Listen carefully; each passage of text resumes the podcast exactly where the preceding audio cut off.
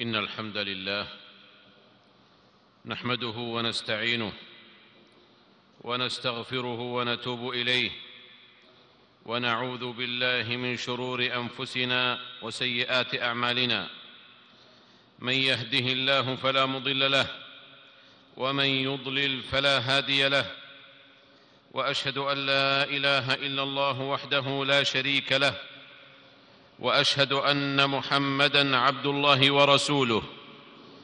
يا أيها الذين آمنوا اتقوا الله حق تقاته ولا تموتن إلا وأنتم مسلمون. يا أيها الناس اتقوا ربكم الذي خلقكم من نفس واحدة وخلق منها زوجها وبث منهما رجالا كثيرا ونساء. واتقوا الله الذي تساءلون به والأرحام. إن الله كان عليكم رقيبا. يا أيها الذين آمنوا اتقوا الله وقولوا قولا سديدا يصلح لكم أعمالكم ويغفر لكم ذنوبكم ومن يطع الله ورسوله فقد فاز فوزا عظيما. أما بعد فيا أيها الناس إن المرء العاقل هو ذلكم الذي يستحضر على الدوام عدم كمال الحياة التي يعيش فيها. عدم كمال الحياة التي يعيش فيها. التي يعيش فيها الناس. ويستحضر على الدوام أيضا عدم كمال الناس أنفسهم. وأن النقص يعتريها ويعتريهم. وأن من سره شيء ربما ساءته أشياء. وأن لكل زلة وهنات فمن ذا الذي ترضى سجاياه كلها ومن ذا الذي ما ساء قط لذا فإن لكل نفس حية طبعا أصيلا لم يطرأ عليه ما يغيره. فكان لزاما أن تتفاوت النفوس في درجات الثبات والهدوء والاناه والصفاء أمام المثيرات التي تؤز ضعاف النفوس إلى الحمق والعجلة أزا. فتفصل بين ثقة المرء بنفسه وبين أناته وحلمه وبين أناته وحلمه مع غيره بوسيلة يجهلها كثير من الناس. قد حصرها حكماء النفوس في خصلة التغافل أو التغابي. في خصلة التغافل أو التغابي عن المكدرات في الحياة العامة في الحياة العامة والخاصة بين الشعوب والساسة والأسرة وأفراد المجتمع الواحد. نعم إنه التغافل إنه التغافل من باب القوة لا الضعف والحلم لا العجز والصبر لا الخور لأن اتساع الأذن لكل مسموع واتساع العين لكل مرئي كفيلان في تكدير الصفو وتفريق المجتمع ونصب خيام سوء الظن في القلب وسط عواصف الشكوك والإحن والشحناء والبغضاء فلا مناص حينئذ فلا مناص حينئذ من التغافل والتغابي أحيانا حتى تسير القافلة بأمان لأن المنزل بعيد لا يحتمل الالتفات أثناء المسير فإن كثرة الالتفات من معوقات الوصول السريع ومن أخذ بكل زلة على كل أحد فلن يبقى له في الدنيا زوجة ولا أخ ولا صديق ولا جار. إذ لا يشك عاقل البتة أن التغافل أدب جميل يحمل صاحبه على تعمد الغفلة والتغابي مع علمه بما هو متغافل عنه بما هو متغال مع علمه بما هو متغافل عنه جلبا لمصلحة راجحه أو درءا لمفسدة راجحه أيضا. وهو خلق نبوي كريم.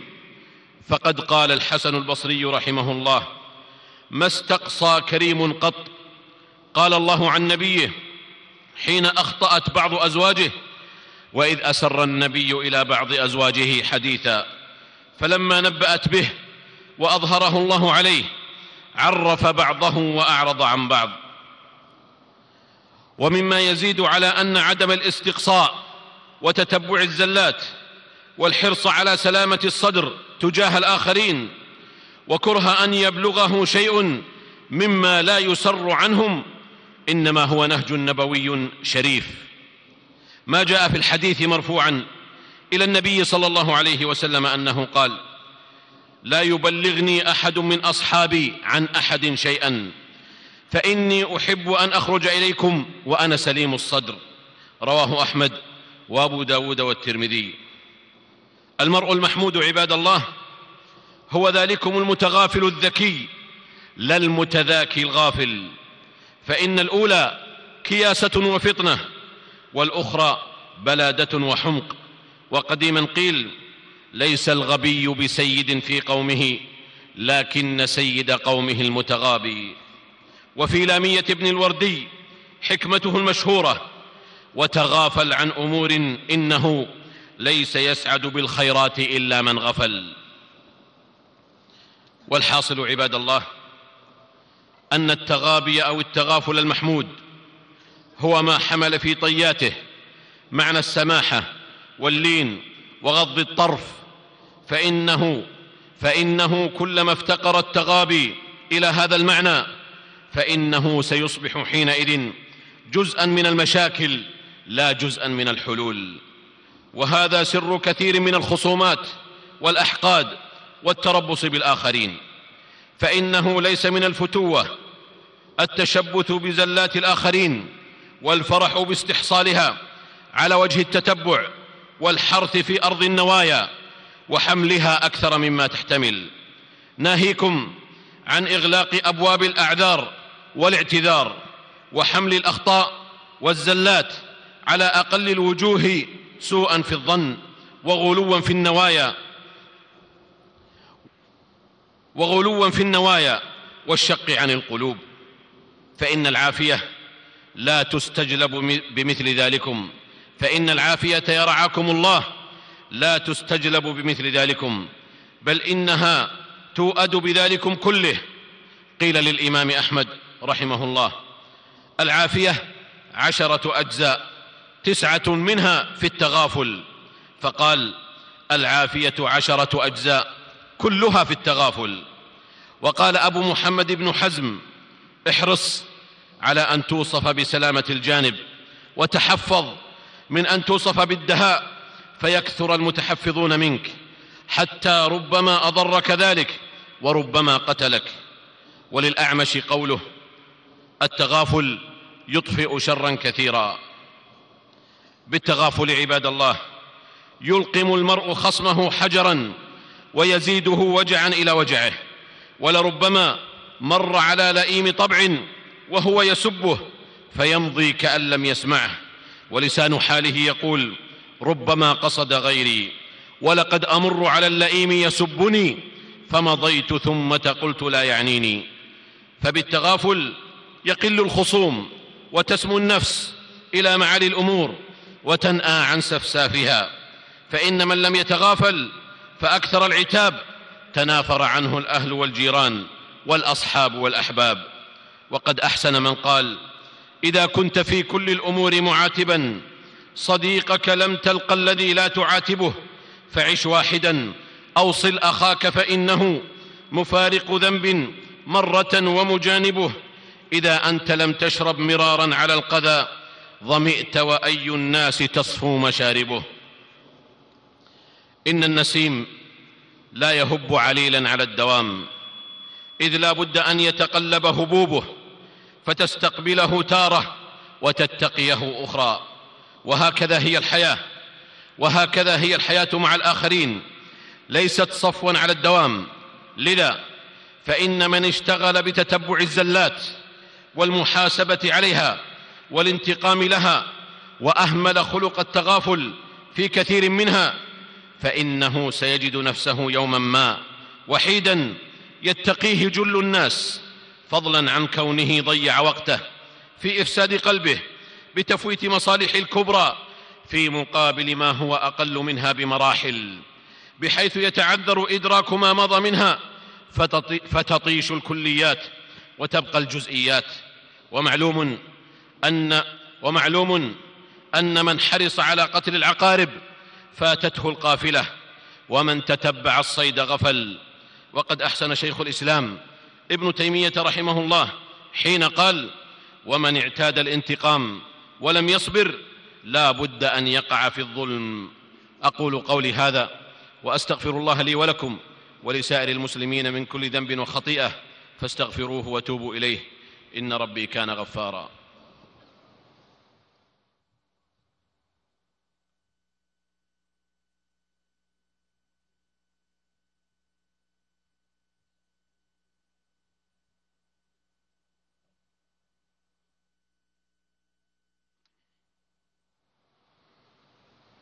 الحمد لله على إحسانه والشكر له على توفيقه وامتنانه وأشهد أن لا إله إلا الله وحده لا شريك له تعظيما لشأنه وأشهد أن محمدا عبد الله ورسوله الداعي إلى رضوانه فصلوات الله وسلامه عليه وعلى آله وصحبه وإخوانه. أما بعد فإن أحسن الحديث كلام الله وخير الهدي هدي محمد صلى الله عليه وسلم وشر الأمور محدثاتها وكل محدثة بدعة وكل بدعة ضلالة. أما بعد فاتقوا الله عباد الله واعلموا أن التغافل قيمة رحبة تتسع للجميع وليست مختصة بأحد دون أحد بل يشترك فيها الشريف والوضيع والأمير والمأمور والرئيس والمرؤوس والشيخ والتلميذ والأب والأولاد والزوج والزوجة. لا مناص من ذلكم لمن أراد توافقا في هذه الحياة مع نفسه ومع نفسه ومع الناس. فلا صفاء دون تغافل ولا وحدة واجتماع دون تغافل ولا إيثار دون تغافل. فهو الكياسة والسياسة البارعة التي تستمال بها القلوب ويخبو بها العتب ويعلو الأدب وتنال الرتب ويبلغ به المتغابي الأرب. لذلكم فإنه لا يحسن التغافل فإنه لا يحسن التغافل إلا ذو العقول النيرة والقلوب الكبيرة. ومن سواهم فإن بينهم وبين خلق التغافل بعد المشرقين. فبئس القلوب قلوبهم وبئس العقول عقولهم. يحصون الزلة ويعدونها عدا يجعلون الحبة قبة. فيزيدون الطين بلة. بعد أن عقدوا للحصر البناصر ونكتوا بالهمز السبابة قد هاج طبعهم واستترت عقولهم. والعاقل المتدبر هو من قرأ قول الله عن يوسف عليه السلام قالوا إن يسرق فقد سرق أخ له من قبل فأسرها يوسف في نفسه ولم يبدها لهم.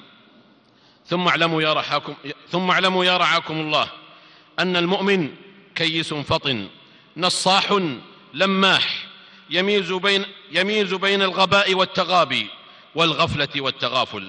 فالتغافل رفعة والغفلة دون. ومن هنا وقع كثير من الناس وقع كثير من الناس في, الخص في الخطأ باستعمال معيار التغافل. فتغافلوا عن الحسن وأظهروا القبيح وجعلوا إحقاق الحق وإبطال الباطل داخلا في التغافل المحمود. حتى عبثت به فلسفة التغافل عندهم لما فيها من استبدال الذي هو أدنى بالذي هو خير. وقد صح عن أبي سلمة قوله لم يكن أصحاب رسول الله صلى الله عليه وسلم منحرفين ولا متماوتين وكانوا يتناشدون الشعر وكانوا يتناشدون الشعر في مجالسهم ويذكرون أمر جاهليتهم. فإذا أريد أحد منهم على شيء من أمر الله دارت حماليق عينيه. رواه البخاري في الأدب المفرد. ثم إن التغافل لا يتعارض مع الفطنة. وزم النفس عن أن تكون محلا للخداع. عن أن تكون محلا للخداع والاحتيال. فتنخدع في الأمر الواحد أكثر من مرة. لأن الغبي يخدع والمتغابي يستر. فإن النبي صلى الله عليه وسلم قال لا يلدغ المؤمن من جحر واحد مرتين. رواه البخاري ومسلم. هذا وصلوا رحمكم الله. على خير البرية وأزكى البشرية. محمد بن عبد الله صاحب الحوض والشفاعة. فقد أمركم الله بأمر بدأ فيه بنفسه وثن بملائكته المسبحة بقدسه. وايه بكم أيها المؤمنون فقال جل وعلا يا أيها الذين آمنوا صلوا عليه وسلموا تسليما. اللهم صل وسلم على عبدك ورسولك محمد وعلى أصحابه الأربعة أبي بكر وعمر وعثمان وعلي وعن سائر صحابة نبيك محمد صلى الله عليه وسلم وعن التابعين ومن تبعهم بإحسان إلى يوم الدين وعنا معهم بعفوك وجودك وكرمك يا أرحم الراحمين. اللهم أعز الإسلام والمسلمين. اللهم أعز الإسلام والمسلمين. اللهم أعز الإسلام والمسلمين. واخذل الشرك والمشركين. اللهم انصر دينك وكتابك وسنة نبيك وعبادك المؤمنين. اللهم فرج هم المهمومين من المسلمين ونفس كرب المكروبين واقض الدين عن المدينين واشف مرضانا ومرضى المسلمين برحمتك يا أرحم الراحمين. اللهم آمنا في أوطاننا وأصلح أئمتنا وولاة أمورنا واجعل ولايتنا في من خافك واتقاك واتبع رضاك يا رب العالمين. اللهم وفق ولي أمرنا لما تحبه وترضاه من الأقوال والأعمال. يا حي يا قيوم اللهم أصلح له بطانته يا ذا الجلال والإكرام. اللهم انصر جنودنا المرابطين. اللهم انصر جنودنا المرابطين. اللهم انصر جنودنا المرابطين. اللهم انصرهم على عدوك وعدوهم يا ذا الجلال والإكرام. اللهم انصر إخواننا المستضعفين في دينهم في سائر الأوطان. اللهم انصرهم على عدوك وعدوهم يا حي يا قيوم. ربنا آتنا في الدنيا حسنة وفي الآخرة حسنة وقنا عذاب النار. سبحان ربنا رب العزة عما يصفون وسلام على المرسلين وآخر دعوانا أن الحمد لله رب العالمين.